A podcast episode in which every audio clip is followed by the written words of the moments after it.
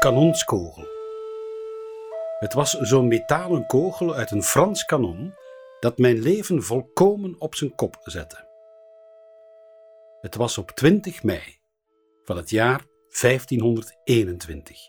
Ik werd getroffen aan beide benen. Mijn rechterknie was verbrijzeld. Het andere been had diepe vleeswonden. Ik verdedigde op dat moment het kasteel van de stad Pamplona in Noord-Spanje tegen de Fransen. De stad zelf hadden ze al in handen, alleen het kasteel nog niet. Mijn medestrijders zeiden dat we op moesten geven. De overmacht van de Fransen was veel te groot. Maar opgeven? Nooit. Als je streed voor de eer van de koning, dan gaf je niet op. Dat was riddereer. Wat zouden ze aan het hof niet zeggen als ik opgaf? Ik zou ze niet meer onder ogen kunnen komen. Nee, ik zou doorvechten tot ik erbij neerviel. En zo geschiedde. Ik viel erbij neer. De eerste dagen waren de nota bene de Fransen zelf, onze vijand, die mij respectvol in een tentenkamp opnamen en verzorgden. Hun dokters legden de botjes van mijn knieën zo goed en zo kwaad als het ging weer aan elkaar. Na zo'n twee weken brachten vier soldaten mij met een brancard op hun schouders naar huis, het ouderlijk slot van Loyola, ruim 100 kilometer verderop. Naar mijn oudste broer Martin en zijn vrouw, en ze namen mij liefdevol op. Maar ja, daar lag ik dan. Hoe moest het nu verder met mijn leven? Ja, je denkt misschien, wie is die man? Eigenlijk ben ik er niet zo fier op en vertel ik er liever niet over, maar ja, ik heb er zoveel van geleerd. Ik moet dit met jullie delen. Ik werd geboren als dertiende en laatste kind in de adellijke familie van de Loyola's in Baskeland. Mensen van aanzien. Ze noemden mij Inigo. En ik werd opgevoed met de aloude ridderidealen, onvoorwaardelijke trouw aan de koning, met de wapens leren omgaan, lezen en schrijven, gedichten maken, hoofdse manieren in acht nemen, de eer van de familie hooghouden, laten zien wat je waard bent, vooral in het bijzijn van vrouwen. En het katholiek geloof, natuurlijk. Op mijn zestiende trad ik in dienst van de schatmeester van de koning. Zo kwam ik geregeld aan het Spaanse hof. En dat is iets waar ik wilde bijhoren. Geld, mooie kleren, zwier en protocol. Gezien worden in de koninklijke optochten. De aandacht op me vestigen door dappere daden. Duels en toernooien winnen voor de vrouw van mijn dromen. Ja, ja, ja. Ja, ook ik had een vrouw van mijn dromen een, een zeer hooggeplaatste dame. Ja, maar mag ik het hierbij laten? Ja, mijn broer die zal zeggen dat ik diplomatieke kwaliteiten had en ruziende mensen met elkaar wist te verzoenen. Maar eerlijk gezegd, eigen roem en vrouwen, daar, daar, daar draaide het om in mijn leven. En vechten en spelen waarbij om grof geld gegokt werd qua jongensstreken uithalen. Ooit heb ik met een paar vrienden een flinke partij fruit gestolen uit een boomgaard en een ander kreeg de schuld. Hij moest de onkosten betalen plus een aanzienlijke boete. Ja, hij heeft er zelfs voor in de gevangenis gezeten. Bovendien werd hij er lange tijd door zijn dorpsgenoten op aangekeken. Of die keer dat een paar kerels mij lastig vielen en tegen een muur drukten, maar ik trok mijn zwaard. Nou, dat, dat, dat hadden ze niet verwacht en ze sloegen op de vlucht. En ik, ik, ik ging er achteraan. Het was dat ik door toevallige voorbijgangers werd tegengehouden, anders had ik zeker een paar van die gasten naar de andere wereld geholpen. Nou, of zij mij natuurlijk. Eigenlijk, eigenlijk was ik in die tijd een vervelend mannetje. En ooit zei iemand mij in Inigo, zei ze, wil jij ooit tot de jaren van het verstand komen, dan zullen ze toch eerst een van je benen moeten breken. Ja, ja, een been, mijn been. Ja, dat wou maar niet genezen intussen. Mijn broer haalde er de beste dokters bij. En die zagen dat de botjes verkeerd aan elkaar groeiden. Ja, zoals het nu ging, zou ik nooit meer normaal kunnen lopen. Dat was ondenkbaar. Er zat niets anders op dan de botten opnieuw te breken en beter aan elkaar te leggen. Het was een slachtpartij. Maar ik gaf geen krimp. Alleen aan mijn krampachtig gebalde vuisten kon je zien hoeveel pijn het deed. Ah, Heer Inigo, alle pijn die u al doorstaan hebt, zal niet zijn in vergelijking met de pijn die dat met zich mee zal brengen, hoor. Bon, dan toch maar doen. Toch maar lijden voor de vrouw van mijn dromen. Ja, je was een ridder, of je was het niet. Dat was een slachtpartij. Om te voorkomen dat het ene been korter zou blijven dan het andere, werden er ijzeren gewichten aan gehangen, zodat mijn been dat het kon rekken. Man, man, man, dat deed pijn. Maar nu had ik alle tijd om te dagdromen over mijn edele vrouwen. Maar er waren ook uren van verveling. En uh, hebben jullie hier geen uh, ridderroman? Nee. Nee, het enige wat we hebben is een boek met het leven van Jezus en, en een boek over heiligen. Nou, niet meteen waar ik zat op te wachten, maar uit pure verveling begon ik ze toch te lezen. Die heilige levens las ik net zoals ik ridderromans had gelezen. Heiligen, ridders, ridders, heiligen, ridders. Ja, wat zo'n heilige deed toch. Dat zou ik toch ook kunnen. Hè? Of durven? Ja, maar ik las bijvoorbeeld dat de heilige Dominicus zonder vrees het land van de ketters van de ongelovigen durfde binnen te gaan. Die ketters vroegen hem of hij niet bang was dat ze hem zouden doden. waarop Dominicus antwoordde: Ja, ja, graag zelfs. En het liefst zagen jullie mij aan stukken. Dan kan ik laten zien wat ik voor mijn Heer en God over heb. Ja, stukken zagen? Zoiets had ik nu zelf net achter de rug. Niet, niet voor God, maar voor de vrouw van mijn dromen. Of er was Franciscus die naar de sultan van Babylon trok en daar letterlijk voor Christus door het vuur ging. Zou ik dat ook gedurfd hebben? En allebei, Dominicus en Franciscus, gaven ze de rijkdom op om in armoede te leven. En ik keek naar alle luxe om me heen en ik dacht terug aan het Hof van de Koning waar ik vroeger vaak kwam. Zou ik dat alles op durven geven? Wat zou mijn omgeving ervan zeggen als ik dat zou doen? Dat bracht mij vanzelf weer op de vrouw van mijn dromen. Het was leuk, leuk om daar zo afwisselend mee bezig te zijn, maar er begon mij iets op te vallen. Er was toch een verschil. Als ik dagdroomde over die hoogaardelijke dame, dan was dat leuk, zolang ik ermee bezig was. Maar daarna was ik moe, futloos, ik had nergens meer zin in. Maar als ik had liggen dagdromen over Dominicus en Franciscus en zo, dan was ik opgewekt. Had ik energie, het gaf mij voldoening, alsof dat er mij iemand een compliment had gegeven. Was dat toeval? Of had het iets te betekenen?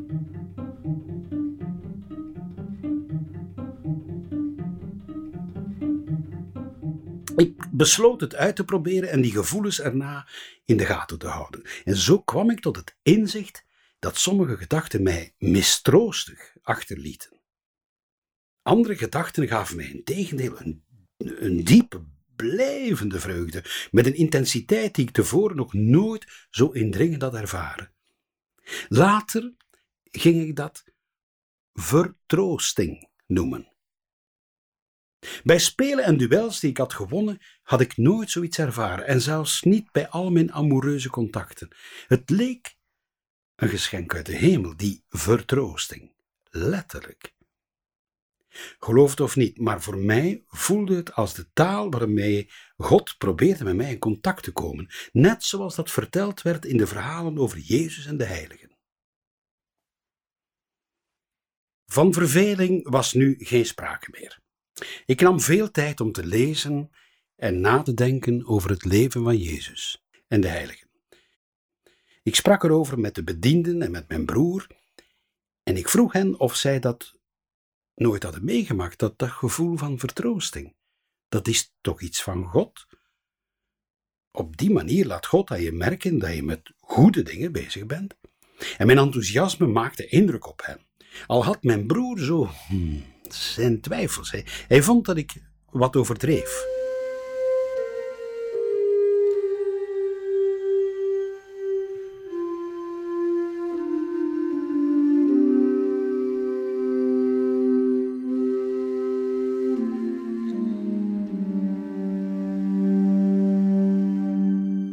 Wat zou ik gaan doen in dienst van mijn nieuwe meester? Nu niet meer zijn majesteit de koning, maar zijn majesteit koning Jezus.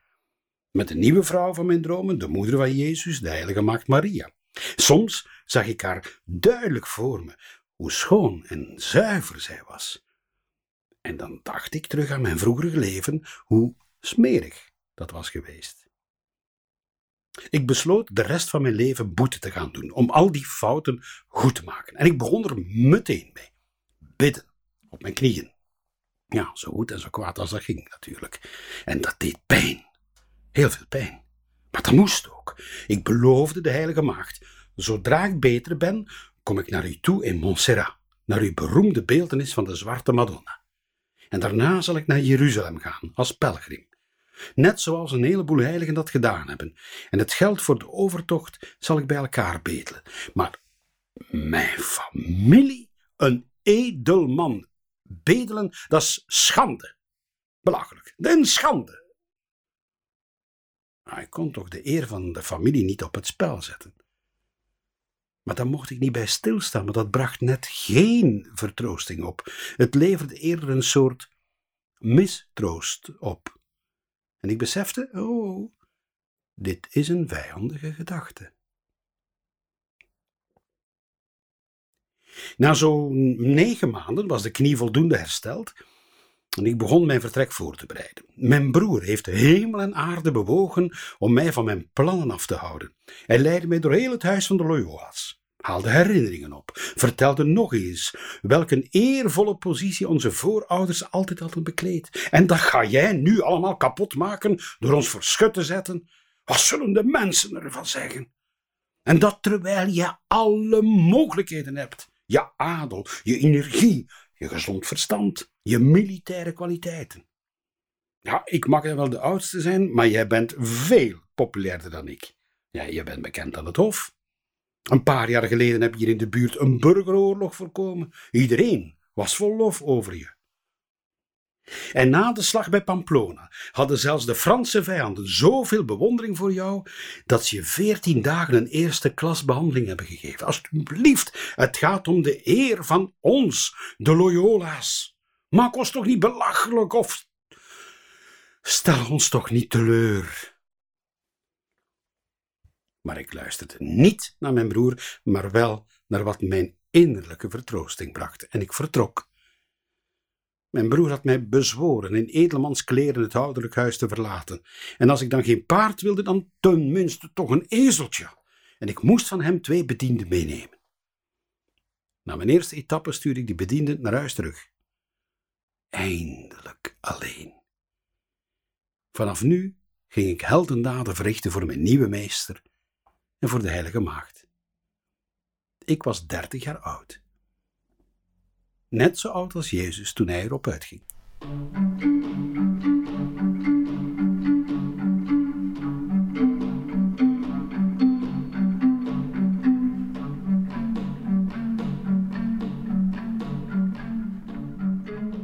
In een dorp verderop liet ik van Jute een soort hobbenzak, een patantenzak maken. Dat zou straks mijn enige kleding zijn. Bij aankomst in Montserrat wilde ik eerst al mijn wandaden uit mijn vroegere leven opbiechten bij een priester. Ik schreef die biecht helemaal uit. En daar, daar had ik drie dagen voor nodig. Ik legde mijn biechtvader uit dat ik op weg was naar Jeruzalem. De hele nacht bleef ik bidden bij het Mariabeeld zeven uur achtereen. Zeven uur, staand knielend. En toen het dag werd, ging ik naar een bedelaar, gaf hem mijn rijke kleren en ik trok zelf die hobbenzak aan. Ik was nog maar een paar uur verder of ik hoorde snelle paarden achter mij. Stop! Politie! We hebben in ons dorp een bedelaar aangehouden met de chique edelmanskleren in zijn bezit. We denken dat hij ze gestolen heeft, maar hij beweert dat u ze zomaar zou gegeven hebben. Nou, dacht ik goed te doen en ik heb daarmee die arme drommel in de problemen gebracht.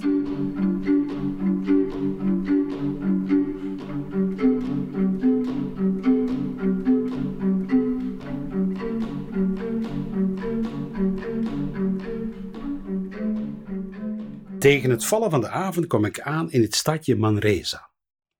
Ik vroeg een slaapplaats in het arme luisgasthuis. De vertroosting gaf aan dat het goed was. Die zeven uur voor het Mariabeeld hadden mij goed gedaan. Ik ging naar alle kerken, kapellen en wegkruisen om er te bidden. En op die manier dacht ik de fouten van vroeger goed te kunnen maken. Bond te vasten, verzorgde mijn haar en mijn nagels niet meer. Daar kon ik vroeger uren mee bezig zijn hoor. En ik bedelde als een pelgrim bij de mensen, gewoon om voedsel. Maar al die tijd schoten mij dingen van vroeger weer te binnen. Ook dingen die ik vergeten was bij mijn biecht in Montserrat. Ik zocht opnieuw een biechtvader op in het klooster hier in dat stadje en ik biechtte weer alles op. Maar daarna kwamen er weer andere herinneringen boven en dat bleef zomaar, dat bleef doorgaan, doorgaan. Ze dansten als het ware om mij heen als een, een bozaardig grijnzende monstertjes. Dagen, weken, maanden, die monstertjes bleven me achtervolgen. En dan, ik dacht, dat komt natuurlijk omdat ik niet voldoende boete deed. Ik ging nog minder eten. Ik kreeg last van mijn maag. Maar dat hielp niet. Ik werd er wanhopig van. Ik had op een moment een klein kamertje in een klooster van, van mijn biechtvader, met zo'n klein open venster gehad. Ik kwam zelfs zo ver dat, dat ik dacht, als ik nu door dat gat naar beneden zou springen en, en een eind aan mijn leven zou maken, dan zou ik ervan verlost zijn. Ik schrok er zelf van, dat zo'n gedachte bij mij op kon komen.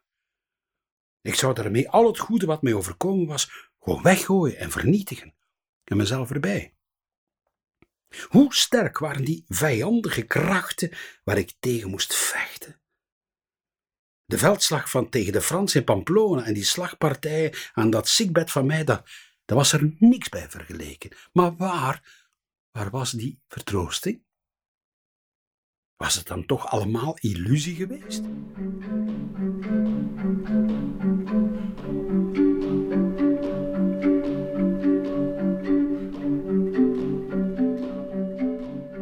was sterker dan mezelf. Ik kon niet stoppen met die boetedoeningen. Ik besloot zelfs helemaal niets meer te eten.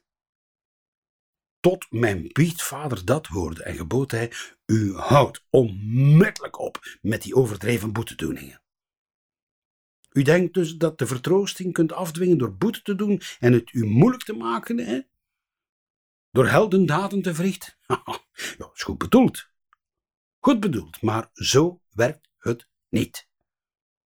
God heeft u al lang vergeven. Niet omdat hij boete deed, maar omdat hij u zijn vertroosting wilt geven. Gratis. Denk aan uw ziekbed. God kwam u daar niet bezoeken omdat u boete had gedaan. Integendeel, u was daar toen nog dat vervelend mannetje. Hij probeerde uw aandacht te trekken door die gevoelens van vertroosting.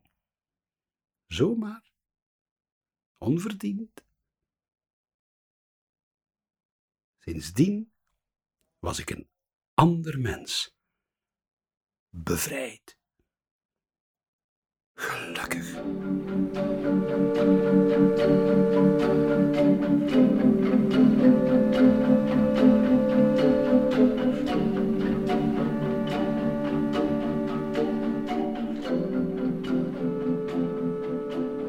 Weer ging ik alle kerken, kapellen en wegkruisen af, maar nu om te bedanken. Nooit beseft dat God zo in elkaar zat. Er ging voor mij een nieuwe wereld open, letterlijk. Ik zag voor me hoe God met zijn stille vertroosting in alles aanwezig was. Hoe hij de scheppingskracht en de groei was in de natuur. Hoe hij het goede was in de mensen, in alles wat er gebeurde.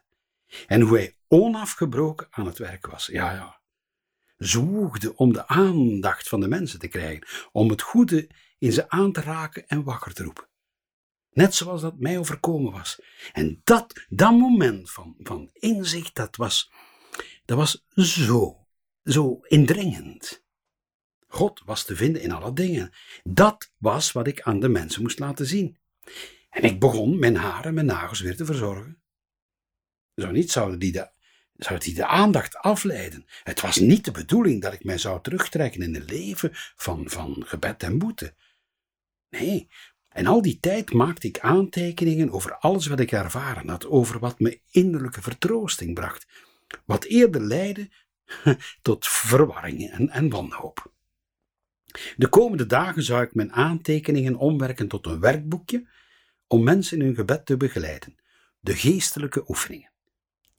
Ik zou en moest ermee naar het heilige land gaan om daar de mensen die oefeningen te laten zien, om hen te laten ervaren hoe God in hun leven aan het werk was. Met de zegen van de paus trok ik naar het heilige land. En in het heilige land ging het alweer anders dan ik had gedacht. En ik vroeg een onderhoud aan met de kloosteroverste. Kijk, ik zou hier graag willen blijven om pelgrims dichter bij Jezus te brengen. Ah, nee, geen sprake van. Oh, we hebben het al lastig genoeg met de Turkse bezetters. U zult van mij geen last hebben. Ik ga leven als kluizenaar en pelgrims begeleiden. Ik wil ze hier helpen ontdekken hoe God met zijn vertroosting in hun leven bezig is. Ja, ja, ja. Een vertroosting of niet, u gaat gewoon straks met de andere pelgrims terug naar huis, ja? En, en als ik weiger? Dan zal ik gebruik maken van de volmacht mij door de paus in Rome verleend en u verbannen uit de kerk. En als u wilt, zal ik de papier. Nee, nee, nee, nee, nee, nee, nee. Nee, hoeft niet. Ik geloof u zo ook wel.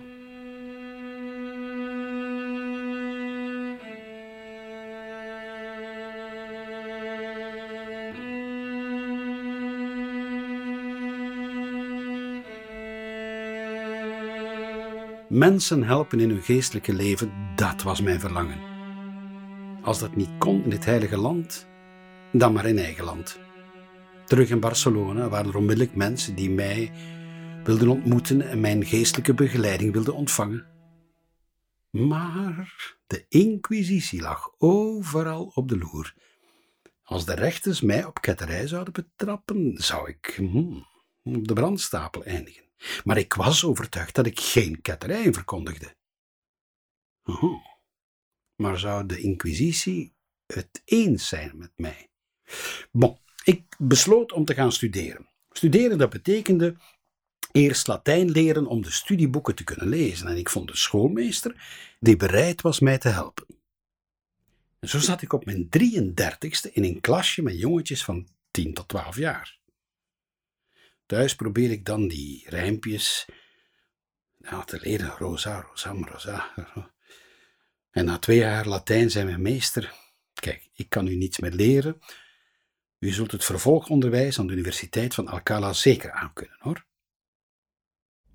Zo verhuisde ik naar Alcala, zo'n 500 kilometer landinwaarts, maar ook daar ging ik weer bedelend langs de deuren. Daarnaast gaf ik geestelijke oefeningen aan wie het maar vroeg of wou, je weet wel ja, mijn geestelijke oefeningen. En op een morgen kwam er een politieagent aan de deur die zei, uh, wilt u eens even meekomen? Nou, hij bracht me naar de gevangenis. U moet hier voorlopig blijven. Vele mannen en vrouwen kwamen mij daar opzoeken voor een geestelijk gesprek. Sommigen boden mij aan te helpen of zelfs een borgsom te betalen, maar dat wilde ik niet. Na bijna drie weken werd ik door iemand van de Inquisitie aan een streng verhoor onderworpen. En tenslotte vroeg hij of ik twee dames kende, moeder en dochter, beiden weduwe. Ja, ja, die ken ik. Hebt u ze ook aangeraden om op bedevaart te gaan naar een pelgrimsoord hier meer dan 100 kilometer verderop? Nee, dat heb ik hen juist afgeraden. Dat is toch veel te riskant voor twee aantrekkelijke vrouwen. Hier in Alcala waren kerken genoeg om te bezoeken en armen genoeg om goed te doen. Dat is nogthans wel de reden waarom u gearresteerd bent hoor. Het duurde anderhalve maand voor ik weer werd vrijgelaten. En men verbood mij en mijn drie gezellen om nog geestelijke gesprekken te voeren, want u hebt geen enkel diploma. Er lopen hier al genoeg kwakzalvers rond. Daarop besloot ik deze streek te verlaten en naar Parijs te gaan om verder te studeren.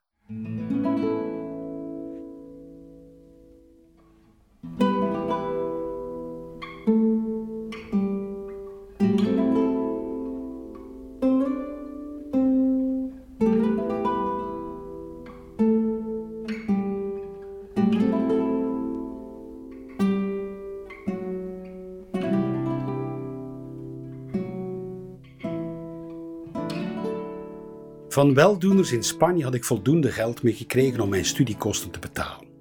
In Parijs had ik het geld in bewaring bij iemand die ik vertrouwde, maar binnen de kortste keren draaide hij al mijn geld er doorheen. Terugbetalen, eh, dat kon hij ook niet. Zo was ik weer aangewezen op bedelen. Ik vond ook onderdak in een tehuis voor Spaanse daklozen. Ja, ja, dat was lastig. En aangezien het tehuis zich ver van de universiteit bevond, stond het studeren eigenlijk op een zeer laag pitje. Wel zag ik kans om enige jonge studenten voor mijn idealen te winnen en een geestelijke begeleiding te geven. En iemand zei me: Waarom ga jij niet naar Vlaanderen? Daar heb je heel rijke Spaanse kooplieden. Die zullen je zeker willen steunen, sponsoren. En zo bezocht ik Antwerpen en Brugge en kreeg ik voldoende geld bij elkaar om te studeren. Toen het bericht kwam uit Rouen dat die man die al mijn studiegeld er doorheen had gedraaid, dat hij ernstig ziek was en naar me vroeg, ben ik in een voettocht van drie dagen naar hem toegegaan.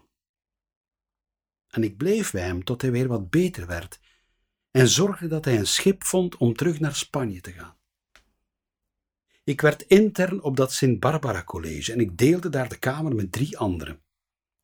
Ja, met, met die man die mij bij de directeur had aangeklaagd.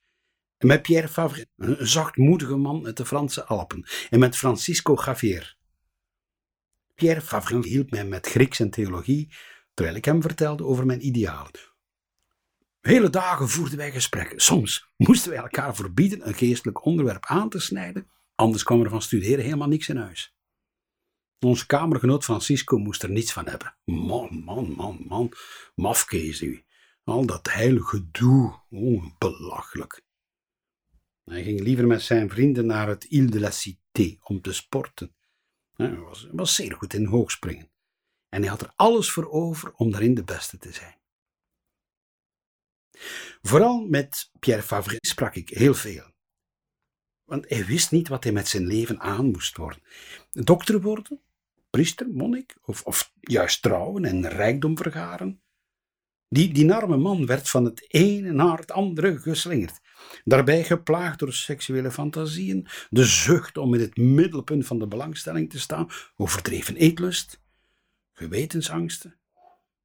Ah, waar had ik dan nog gehoord? Ik vertelde hem hoe ik mijn ondeugden zelf had overwonnen, door erop te vertrouwen dat er genade en vergeving bestaat.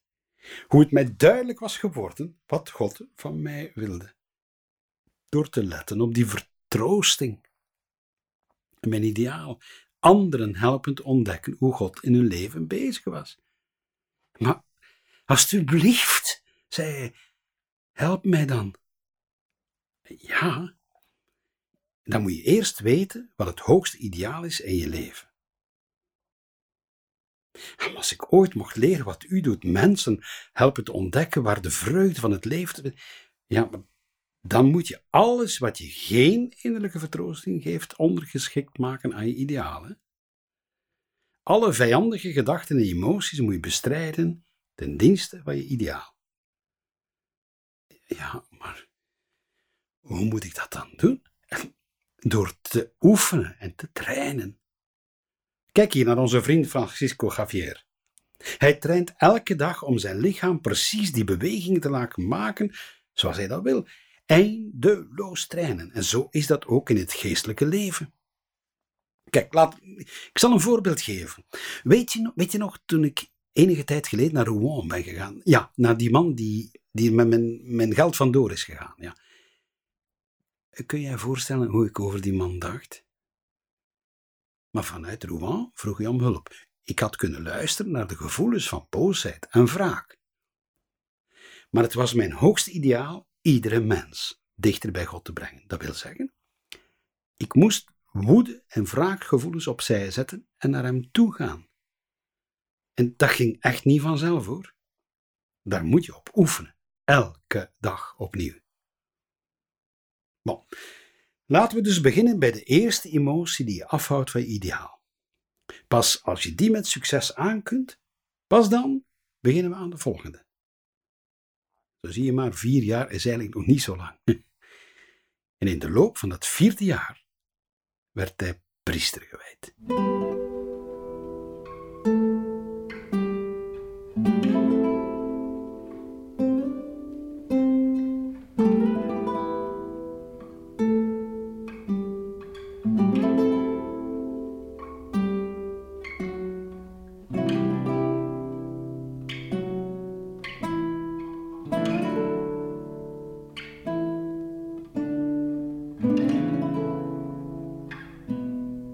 Zoiets. Er was een sympathieke geleerde die ik ook graag voor mijn ideaal wilde winnen, maar hij hield, hield afstand.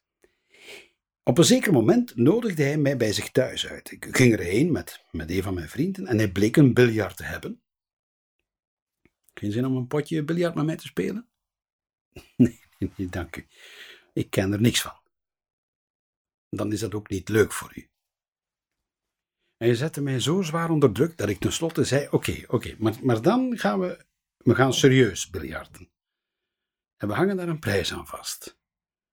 Mijn voorstel is: de winnaar mag de verliezer 30 dagen als zijn huisknecht in dienst nemen.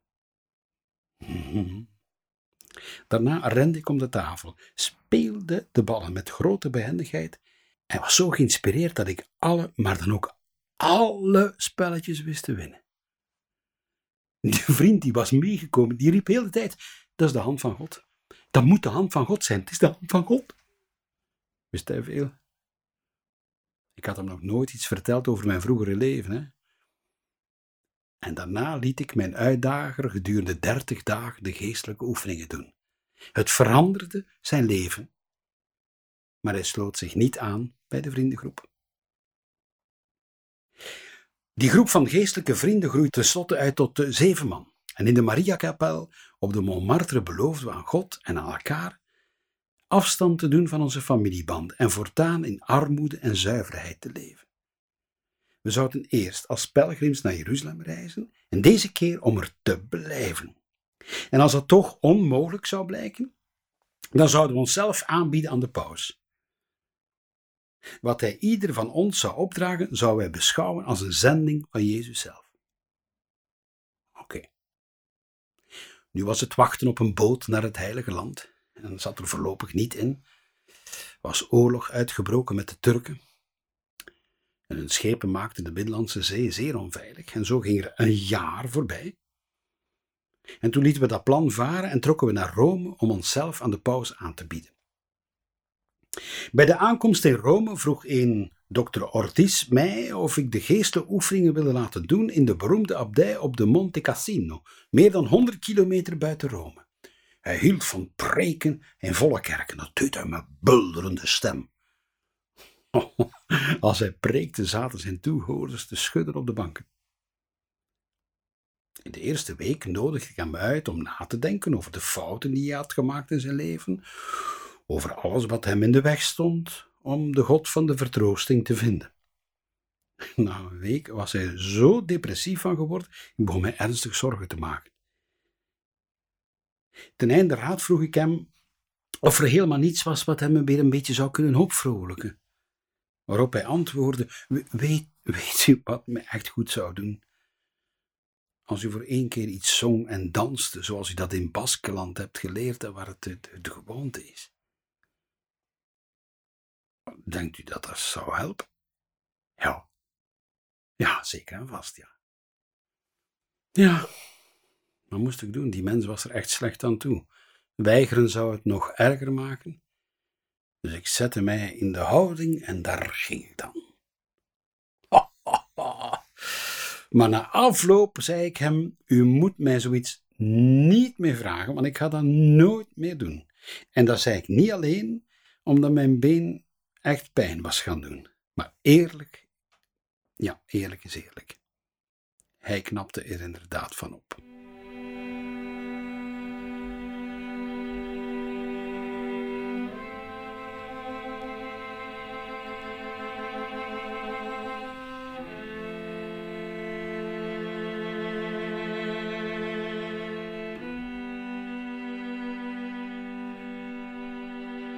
In Rome vroegen we ons af, als de paus ons allemaal verschillende kanten op mag sturen, betekent dat dan het einde van ons als groep? Of willen wij een groep blijven? Ja, dan moet één van ons de leiding krijgen, de anderen worden dan zijn onderdanen. Ja, wil, willen wij dat? Willen we dat? We hebben er maanden over gedaan om daaruit te komen. Uiteindelijk waren we het er allemaal over eens dat één van ons de leiding zou krijgen en de anderen zouden hem gehoorzaamheid verschuldigd zijn. We zouden onze idealen op een schrift opstellen en aan de paus voorleggen met de vraag of hij ons officieel als nieuwe groep wilde erkennen. We benadrukten bij de paus dat we niet in kloosters wilden wonen. Nee, wij wilden bij de mensen zijn, met name waar de nood het hoogst is. We noemen ons gezellen van Jezus. We dienden onze beginselverklaring in bij de paus met de vraag of hij ons als nieuwe groep wilde erkennen dus. Toen we gingen stemmen wie van ons de leiding moest krijgen, stemden allemaal op mij, maar dat weigerde ik. Nee, nee, nee, nee, ik wilde nieuwe stemming. Weer stemden ze allemaal op mij en ik weigerde opnieuw. Stel je voor, ik zou nog de allerbelangrijkste worden van allemaal. Daar, had ik op mijn ziektebed en in Manresa zo tegen gevochten en ik had daar afstand van gedaan. Ik, ja, ik moest een oude wijze priester raadplegen en die zei alleen maar: ja, Ik heb de indruk dat u zich verzet tegen de wil van God zelf. Toen heb ik toegestemd. Maar om die oude Inigo te bestrijden, ben ik vanaf dat moment elke dag heel gewoon voor de groep lekker eten gaan koken. Elke dag preekte ik in een naburige kerk. Steeds meer mensen kwamen luisteren. Juist in die tijd was er een jonge jongen toegetreden, Pedro. Was amper veertien jaar, maar heel ijverig en leergierig. Pedro zei tegen mij: Vader Ignatius, u maakt ontzettend veel fouten tegen de Italiaanse taal. Ja, Pedro, jongen, je hebt daar een goed punt. Help mij maar, jij moet mij helpen. Vanaf morgen ga jij de fouten die ik maak noteren. Jij kunt dat verbeteren. De volgende dag was hij halverwege mijn preek opgehouden. Vader Ignatius, er is geen beginnen aan.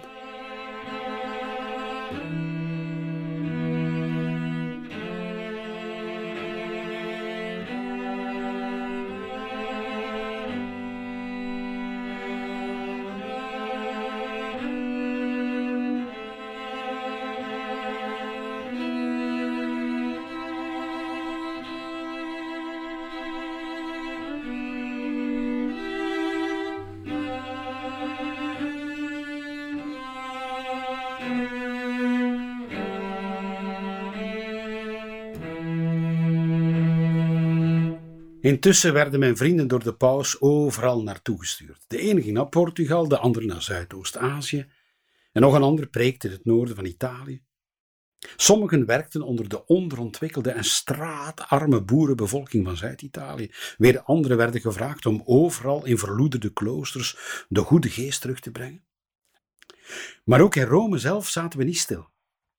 De stad had te lijden onder een groot gebrek aan graan en vele mensen stierven. Overal zag je mensen verzwakt en lusteloos op straat liggen. We hielpen zo goed als we konden. We schraapten geld bijeen, gingen op zoek naar voedsel, maakten eten klaar, brachten bedelaars samen in ons huis. We behandelden hun wonden, wasten hun voeten en ondertussen vertelden wij over God, over de God van de vertroosting. Soms was het huis zo vol dat er tot twee, drie, vierhonderd bedelaars op strozakken lagen Rijke mensen waren zo onder de indruk dat ze spontaan graan kwamen aanbieden. En bij het zien van het alles sloot een aantal uitstekende mannen bij ons aan, jongeren en ouderen. En in het jaar daarop legde elk van ons, voor zover we Rome waren, opnieuw zijn geloften af. Ik, Ignatius van Loyola, beloof aan de Almachtige God en aan de Paus zijn plaatsbekleder op aarde, in aanwezigheid van zijn moeder, de heilige maagd Maria, en de hemelse afhouding, en in aanwezigheid van de vriendengroep, eeuwige armoede, zuiverheid en gehoorzaamheid. Daarinboven beloof ik bijzonder gehoorzaamheid aan de zendingen die de paus mij zal geven. Ook beloof ik dat ik speciale aandacht zal besteden aan de vorming van de jeugd, om hen te vertellen over de God van de vertroosting.